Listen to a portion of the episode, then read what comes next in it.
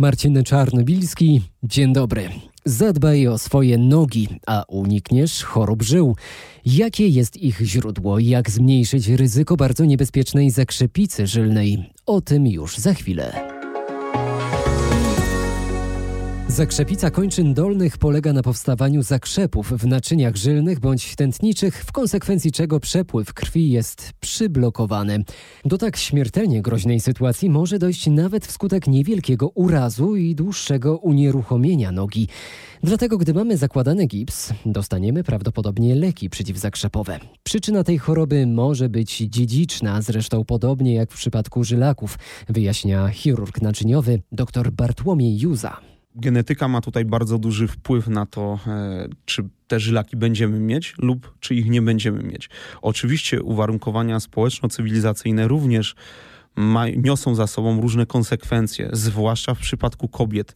Ciąża jest stanem, który nasila w wielu przypadkach powstawanie żylaków, tudzież ich narastanie i rozwój tej choroby. Nie bez znaczenia jest też nasz tryb życia, brak aktywności fizycznej, otyłość, pozostawanie długi czas w pozycji siedzącej, ale także stojącej. Muszę bardzo dbać o zdrowie nóg, bo jako stewardesa pracuję głównie na stojąco. Przyznaje w rozmowie z RMFFM Karolina Petruczenko, stewardesa z czteroletnim stażem. Jaki jest sposób na 12 godzin w samolocie bezpieczne dla nóg? Na pewno warto wyposażyć się w rajstopy antyżlakowe bądź e, kompresyjne. Po rejsie też często robię sobie takie masaże limfatyczne, to też bardzo pomaga w krążeniu. Oraz różne takie zimne prysznice na nogi, żeby one nie było puchnięte i obolałe. W czasie 5-godzinnego lotu samolotem ile czasu średnio spędza się w pozycji stojącej? Ja myślę, że my tak mamy czas na to, żeby usiąść w trakcie startu i lądowania. Tak naprawdę cały czas jesteśmy na nogach.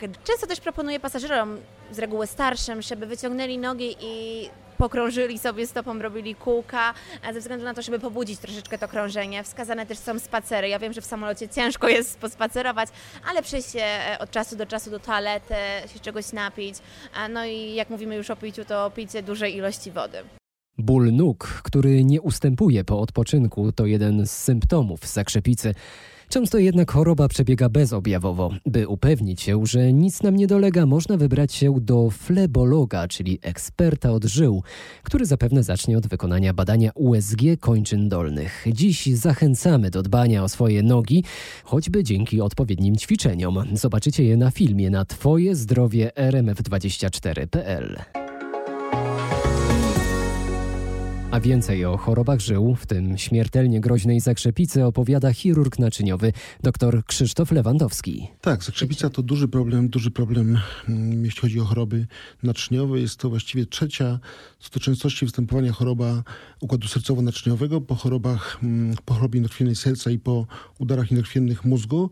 Także jest to duży problem. No w ogóle zakrzepica polega na, na mm, tworzeniu się w obrębie naczyń y, skrzeplin, y, zakrzepów, które doprowadzają y, w kolejności do zatykania bądź całkowitej, całkowitej okluzji naczynia, do zamknięcia naczynia, co powoduje w dalszej kolejności objawy miejscowe, czy ewentualnie najgroźniejszym, najgroźniejszym objawem i skutkiem zakrzepicy może być zatorowość płucna, polegająca na zatkaniu gałęzi czy całej tenicy płucnej, co powoduje nawet zgon. Zanim przejdziemy do statystyk, yy, chciałam zapytać teraz na gorąco o jedną rzecz.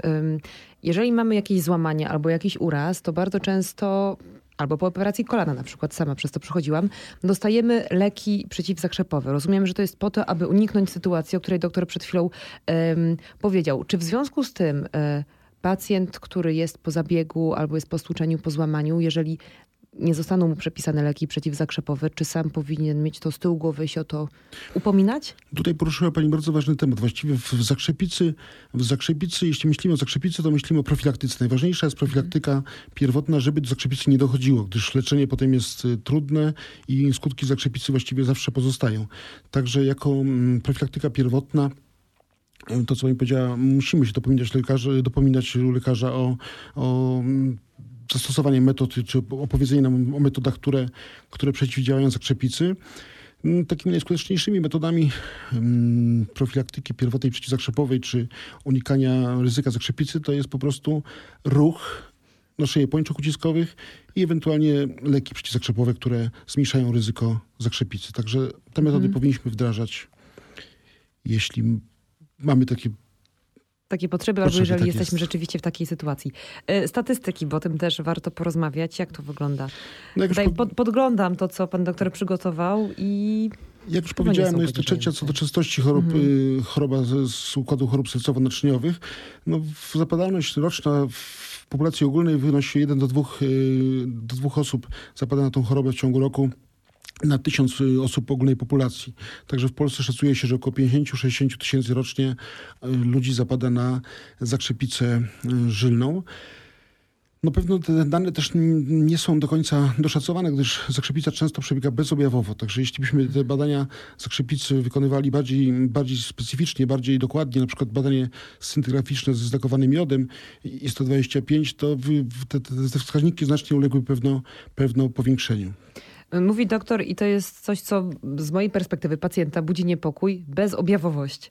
E, w takim razie po czym poznać, że coś się może dziać nie tak, że, że ta zakrzepica może wystąpić? Czy jeżeli ktoś w rodzinie na to chorował, to jest wystarczający powód, że my też na pewno będziemy mieli taki problem? Często zakrzepica przebiega bezobjawowo, tak jak mówimy, czyli wtedy trzeba zastosować jednak to, tą profilaktykę pierwotną, czy nawet nie wiedząc o tym, że jest zakrzepica, leczenie już zakrzepicy mhm. żylnej, ale jednak czas, czasami są symptomy, które świadczą o, o mm, tym, że zakrzepica się już rozwija.